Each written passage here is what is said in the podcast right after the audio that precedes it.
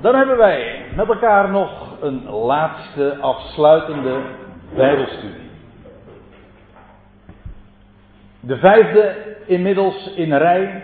En ik wil het vanmiddag nog kort houden.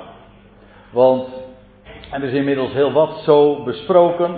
En er is al heel wat zo op u afgekomen en ter overweging zo meegegeven. En daar hoeft niet zoveel meer aan toegevoegd te worden. Wellicht is het toch uh, handig en ook goed om nog wat afsluitende opmerkingen te maken. Opnieuw over die vrucht van de geest. En ik zal straks ook nog even verwijzen, tenslotte, naar de tekst die u hier ziet afgebeeld. Althans, een deel daaruit. Dat is uit 1 Thessalonica 5. Laten we even nog de, het vers voor de geest halen waar het allemaal dit weekend om begonnen is. Daar begonnen we afgelopen vrijdagavond mee. En iedere bijeenkomst is dat op een of andere manier vanuit welk gezichtspunt ook bezien ter sprake gebracht. Logischerwijs, dat was juist het hele onderwerp van, van dit weekend. De vrucht van wat God uitwerkt in ons leven, namelijk zijn liefde. Met al die acht kenmerken die dat heeft. Schitterend, heerlijk, stralend, levend, vitaal, krachtig. Dat is alleen maar iets wat Hij in ons leven kan realiseren. Ik hoop dat dat in elk geval heel goed uit de verf is gekomen. Dat het de vrucht is van de geest. Niet de vrucht is van ons eigen presteren. En ik vind het heerlijk om zo deze dagen dan uh, ook te beleven. En te, voortdurend te overwegen hoe, God, hoe rijk Gods belofte is. Hoe Hij dat alles doet. Dat we op mogen kijken naar boven en dat we rusten mogen in Zijn genade. In alles wat Hij uitwerkt. Dit is vers 22 van Galaten 5. En het hoofdstuk gaat nog even door. En misschien is het goed ook om nog even in de gaten te houden in welke context dat ook stond. Ik zou daar nog wat over zeggen en tot dusver is daar nog niet van gekomen. En dat is de parallel te zien, of de connectie, ik weet niet helemaal of ik het nu zo goed zeg, maar ik zal het vanzelf duidelijk maken, tussen enerzijds de werken van het vlees, zo noemt Paulus dat. Vlees staat tegenover geest, werken staat tegenover vrucht. En hij had een zestiental kenmerken gegeven van dat vlees, van dat wat het vlees uitwerkt. Een heleboel, zo hebben we het voor het gemak maar genoemd, dubbelzinnig ongein. Want dat is precies wat het is tegenovergestelden van gein, van genade. Het ontbreken ook van genade. En dat zijn 16 dingen, als je tenminste die laatste ook nog meerekent. En dergelijke. Dat is nummer 16 dan. En dat is heel opmerkelijk, omdat je dan het, een, een, precies het dubbele aantal kenmerken vindt daarvan, van, het, van de vrucht van de geest. Qua volume is dit veel meer. Maar zoals ik het zeg, uh, geeft ook uh, wel aan waar het verschil zit. Het, het vlees produceert heel veel qua aantal, volume. Maar de massa, als u begrijpt wat ik bedoel, het gewicht is, uh, is niet heel. Het heeft geen waarde, het heeft geen gewicht, het legt geen gewicht in de schaal. Integendeel. Eigenlijk, je zou het ook kunnen noemen, dat noemt Paulus de slotverrekening zelf ook, het is de werking van zuurdeeg. Zuurdeeg maakt de dingen, doet de dingen reizen. Het geeft heel veel volume, het maakt het heel groot, maar het is niks. In tegenstelling tot dit, namelijk de vrucht van de geest. En ik doe het expres even zo, want wat je ziet, en ik heb het voor mezelf ooit eens een keertje, een jaar of wat terug, zo opgeschreven. En, en toen dacht ik, hé, hey, maar er zit een opmerkelijke inversie in dat verhaal. Zo noemen ze dat. Dat wil zeggen, de, dit is de opsomming, zoals we hem vinden. En dan blijkt dat de vervolgens de kenmerken die hij geeft van de vrucht van de geest, het tegendeel zijn van de werken van het vlees. In omgekeerde volgorde. Zodat het eerste, nee, het laatste wat hij noemt als kenmerken van het vlees, als de werken van het vlees, dat staat tegenover de eer, tegenover dat eerste wat hij noemt als kenmerk van, of als eigenschap van de vrucht van de geest. En soms is het uh, heel duidelijk, soms wat lastiger die connectie, maar de lijn lijkt me duidelijk. Ik zal hier bijvoorbeeld dronkenschap, brasserijen, dat, zijn, dat is fake blijdschap. Dat is, je, je doet alsof, hè. bij dronkenschap is dat heel duidelijk, hè. dat is heel luidruchtig, dat lijkt blij, en mensen, maar het, is, het geeft een kater, dat sowieso. Maar het is geen echte vreugde. Je, het, geeft geen, het heeft geen innerlijke oorzaak, het is een bepaald bestanddeel, het is een bepaalde stof die je die schijnvrolijkheid geeft. Met die hele uh, veelzeggende kater naderhand. In tegenstelling tot de echte vreugde. Dat is iets wat. Dat, is, dat heeft te maken met wetenschap. En ook het beseffen van de liefde Gods. Zijn belofte. Nou, dat geldt ook van die vrede. Uh, aan de ene kant zie je dus, dit staat tegenover, deze werken van het vlees staat tegenover dit kenmerk van de vrucht van de geest.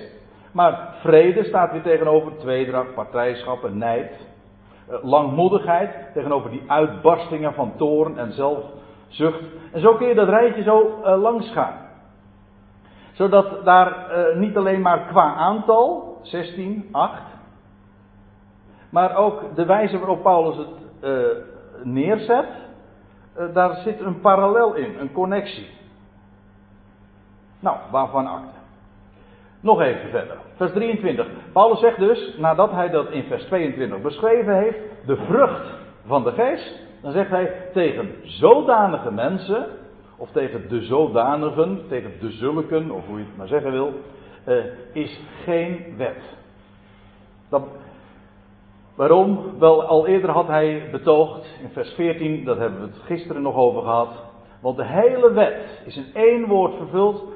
Gij zult uw naaste, gij zult uw naaste lief hebben. Als uzelf. Zien als geliefd. Geliefd namelijk door God. Als je de ander ziet als geliefd, wel, dan heeft dat die uitwerking. Wel, eh, aangezien eh, die vrucht van de geest een demonstratie is van de liefde Gods, daar is geen wet tegen. Ver buiten het bereik, afgezien van het feit wat Paulus al betoogd had, dat wij helemaal niet eens onder die wet leven. Vergis u niet, die wet die heeft God ooit gegeven. Ik bedoel, nu specifiek ook de wet van Sinaï, die gaf God duizenden jaren na Adam aan één specifiek volk en bovendien voor een bepaalde tijd. Het is helemaal niet waar wat sommige mensen zeggen van ja, dat is Gods universele wil. Waarom gaf hij die wet dan niet aan Adam? Een man als Abraham heeft nooit de wet gekend. Dat duurde nog 430 jaar voordat die wet kwam. En net als Abraham, wij nu, 4000 jaar later, leven wij uit de belofte van God. En we kijken net als Abraham omhoog. en we verwachten het van het vitale, levenskrachtige woord van Hem. Dat Hij dan ook vervult. Hoezo vlees? Hm? En werken van het vlees. Dat doet alleen maar aan Ismaël denken. Nou ja, ik zie nu een aantal mensen zitten die de, de voorgaande dagen hier niet waren. En die, ik kan me voorstellen dat die dan wellicht denken van, waar heb je het nou precies over? Maar ik kan u verklappen, de MP3's van deze studies, als het tenminste allemaal goed gelukt is, dat moet nog blijken, maar ik denk dat dat wel in orde is. Die komen straks allemaal op de website van goedbericht.nl. Dus dan kunt u ze, of jij, ze allemaal nog eens nabeluisteren. Ik zal ook de PowerPoints erop zetten. Dit moet duidelijk zijn. Dit is min of meer ook een concluderende opmerking van Paulus. Want zegt hij, wie Christus Jezus, dat is een typische term voor Paulus, de opgestane Heer, dat staat voorop, de verheerlijkte, zoals hij hem ook kende, die Christus Jezus toebehoren, hebben het vlees met zijn hartstochten en begeerten gekruisigd. Dat wil zeggen, we hebben een nieuwe ik gekregen.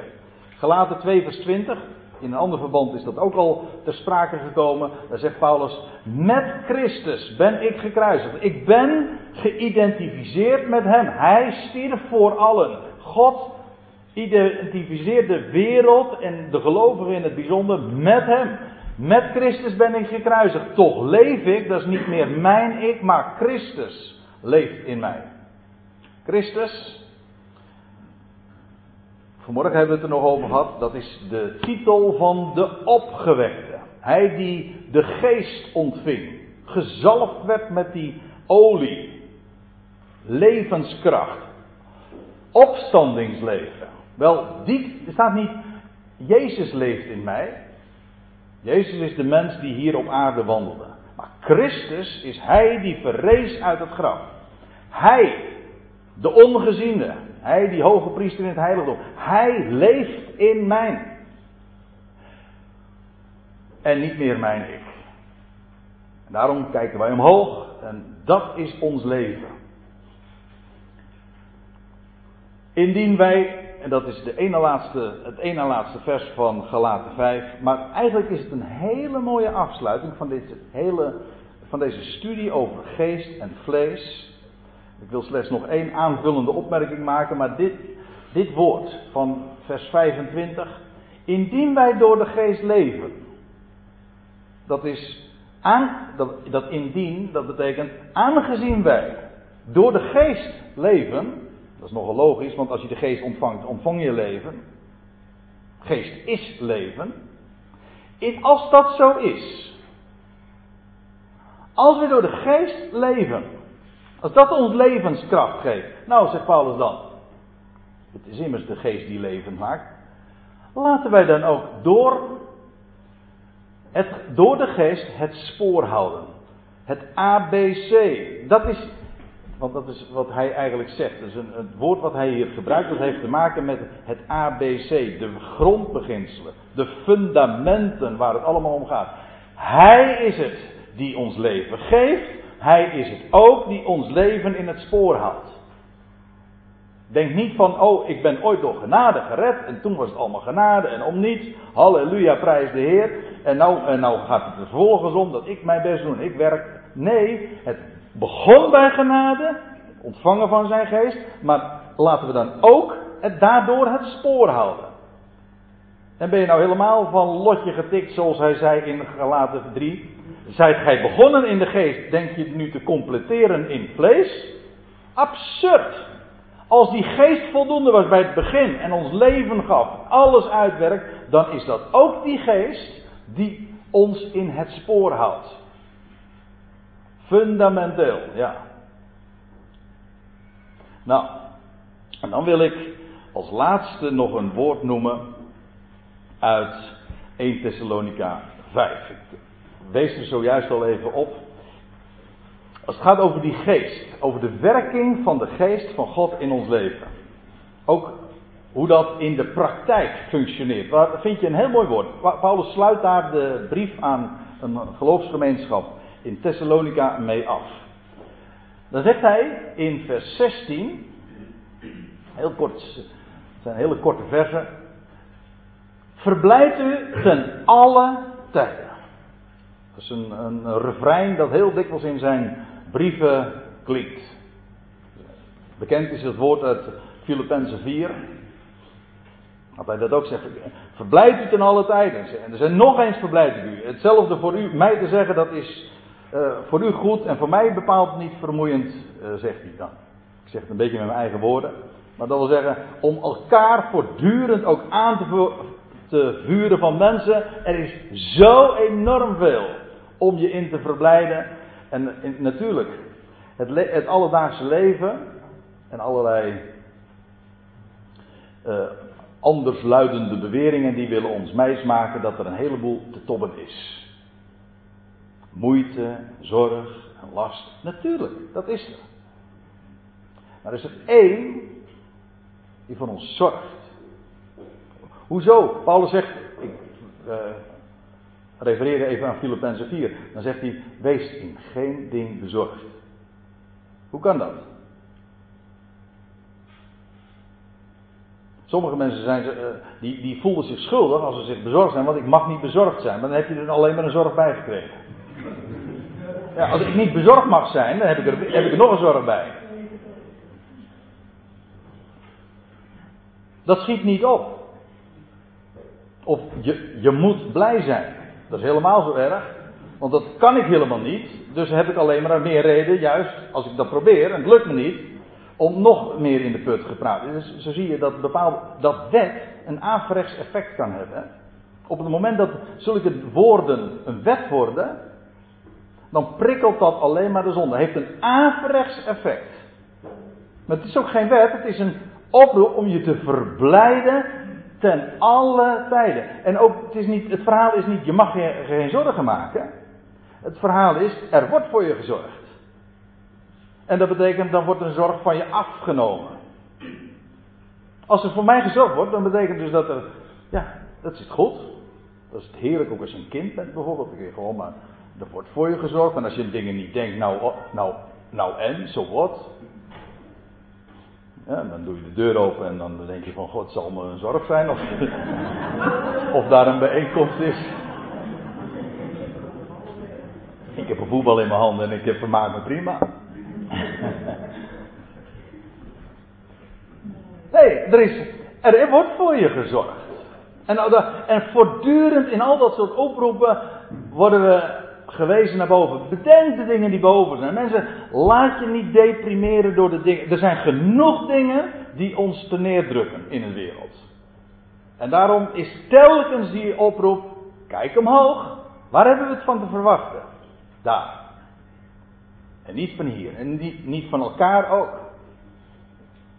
En de ervaring leert dat op het moment dat je omhoog kijkt, worden mensen blij. Ik heb ooit wel eens uh, gehoord, en het is, het, is, het is echt waar, dat als mensen huilen, dan kun je niet omhoog kijken. Je, huilen en kijken gaat sowieso niet. Omhoog, op het moment dat iemand huilt en je wijst omhoog, kijk eens, dus moet je maar eens bij je kinderen uitproberen. Op het moment dat ze omhoog kijken, dan houdt het huilen op. Wij wijzen elkaar op omhoog. Daar is een mens echt op geschapen. Dat is ook wat het woord mens betekent. Verblijf u ten alle tijden. Ik lees even verder. Bid zonder ophouden. En dan dankt onder alles. Onder alles. En dan komen we toch weer een beetje terug op waar we het.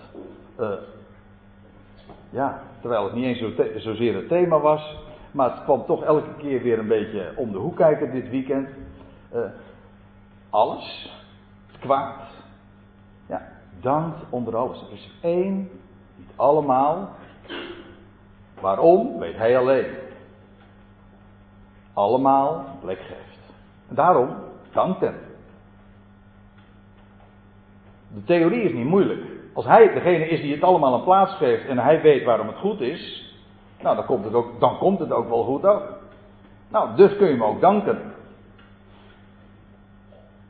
Het is geen min, het is een plus die nog niet af is. Kort door de bocht gezegd. Dank onder alles, want dat is de wil. Kijk, als we nou de vraag stellen, wat is nou Gods wil voor ons leven? Hier heb je het in een nutshell, in een notendop. Dat is de wil Gods in Christus Jezus ten opzichte van u.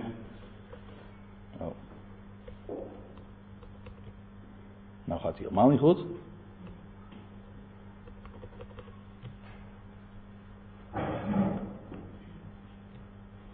Ja.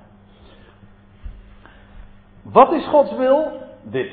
Maar hoe kan dat? Je, hoe kun je ten alle tijden verblijden? Hoe kun je zonder ophouden te danken? En het antwoord, oh pardon, zonder ophouden te bidden. Het antwoord is dankt onder alles. Hij is het die alles in zijn handen en bovendien zijn liefde omvat alles. En dat geeft ook precies het motief, om, ons het motief om hem in alles te danken. En wanneer we onder alles danken, dan dat maakt ook met recht blij. Ja. Waarom maakt het blij? Het mooie van dat woord danken dat is eucharis. Daar zit het woordje charis in. Charis, dat is het woord voor, daar hebben we het ook al over gehad, dat is het woord voor vreugde, dat is ook het woord voor genade. In onze taal komt het niet zo uit de verf, Maar in, in het Griekse waarin Paulus dit optekende, is het zo dat daar waar genade ontvangen wordt, daar waar genade beseft wordt, daar van boven naar beneden, hij geeft genade en wat, als dat gerealiseerd wordt, dan stijgt dank naar boven. En dat is juist die vreugde. Dankzegging ontketent de vreugde in ons leven. Dan word je, als je in alles dankt, dan word je ook ten alle tijden blij. En dan is daar ook voortdurend die verbinding met een open hemel, een blauwe hemel, een God die van je houdt. Die twee verblijft u ten alle tijden, bid zonder ophouden, dat heeft alles te maken met dat derde. Dank onder alles. Kijk omhoog, je ontvangt het van Hem, het is, Hij is de gever, Hij doet het alles voor jouw welzijn en, en ter vervulling van zijn machtig voornemen. Dankt onder alles. En dan moet u nog eens opletten wat erachter staat. En juist daarom noem ik het ook. Dooft de geest niet uit. Die werkzaamheid van de geest, en daar hebben we het het hele weekend over gehad. Namelijk hoe de geest vrucht zet in ons leven. In welke mate vindt dat plaats? Er zijn gradaties. We hadden het er ook al over. Een vrucht, ja, dat is iets wat zich ontwikkelt. Dat is niet van het ene op het andere moment een vrucht. Nee, dat is iets wat door omstandigheden, door weer en wind, tot ontwikkeling komt. Dat neemt ook tijd. Maar de mate waarin dit gerealiseerd wordt, heeft te maken met de mate ook van dankzegging. Kijk, doof de geest niet uit, dat wil dus zeggen, het, die geest, degene die gelooft, ontvangt die geest. Die heeft die geest ontvangen. Je ontvangt namelijk zijn levend, geestrijk woord. Ja, u dacht vocht, nee, zijn geestrijk woord ontvang je van hem. Wel, daarmee heb je die geest ontvangen. Maar in de mate waarin dat werkt, dat kan fluctueren. Dat kan een waakvlammetje zijn. Die, gaat nooit uit, hè, want we zijn verzegeld met de geest. Dat vlammetje blijft branden, maar het kan ook het kan een waakvlammetje zijn. Het kan ook een laaiend vuur zijn. En Paulus schrijft hier: dooft die geest niet uit. En waarom zegt hij dat nou precies ten opzichte, uh, nadat hij dit geformuleerd had? Verblijd je in alle tijd, ten alle tijden. Bid zonder ophouden. Hoe? Wel door in alles en onder alles te danken. Want dat is wat God wil. En de mate waarin je dat doet, is de mate waarin die geest ook laait in je leven. En, en vrucht zet, heeft alles te maken met die dankzegging. Met de wil van God. Dat is eigenlijk ook waar ik het liefst dit weekend en deze, deze studies mee af wil sluiten. Ik heb dat me ook voorgenomen. En dat heeft te maken met genade. Hij geeft alles en daarom mensen, blijf daarin staan. Realiseer je wat hij doet en wat hij geeft en wie hij is en wat hij gesproken heeft, wat hij beloofd heeft. Sta daarop. S'morgens meteen, u weet het nog, hè, met het rechterbeen. Dat op zijn belofte. Dan dank je hem. En dank onder alles. En dan wordt die vrucht van de geest zichtbaar. En dan is dat is ook de mate waarin die geest oplaait in je leven als een krachtig vuur. Wees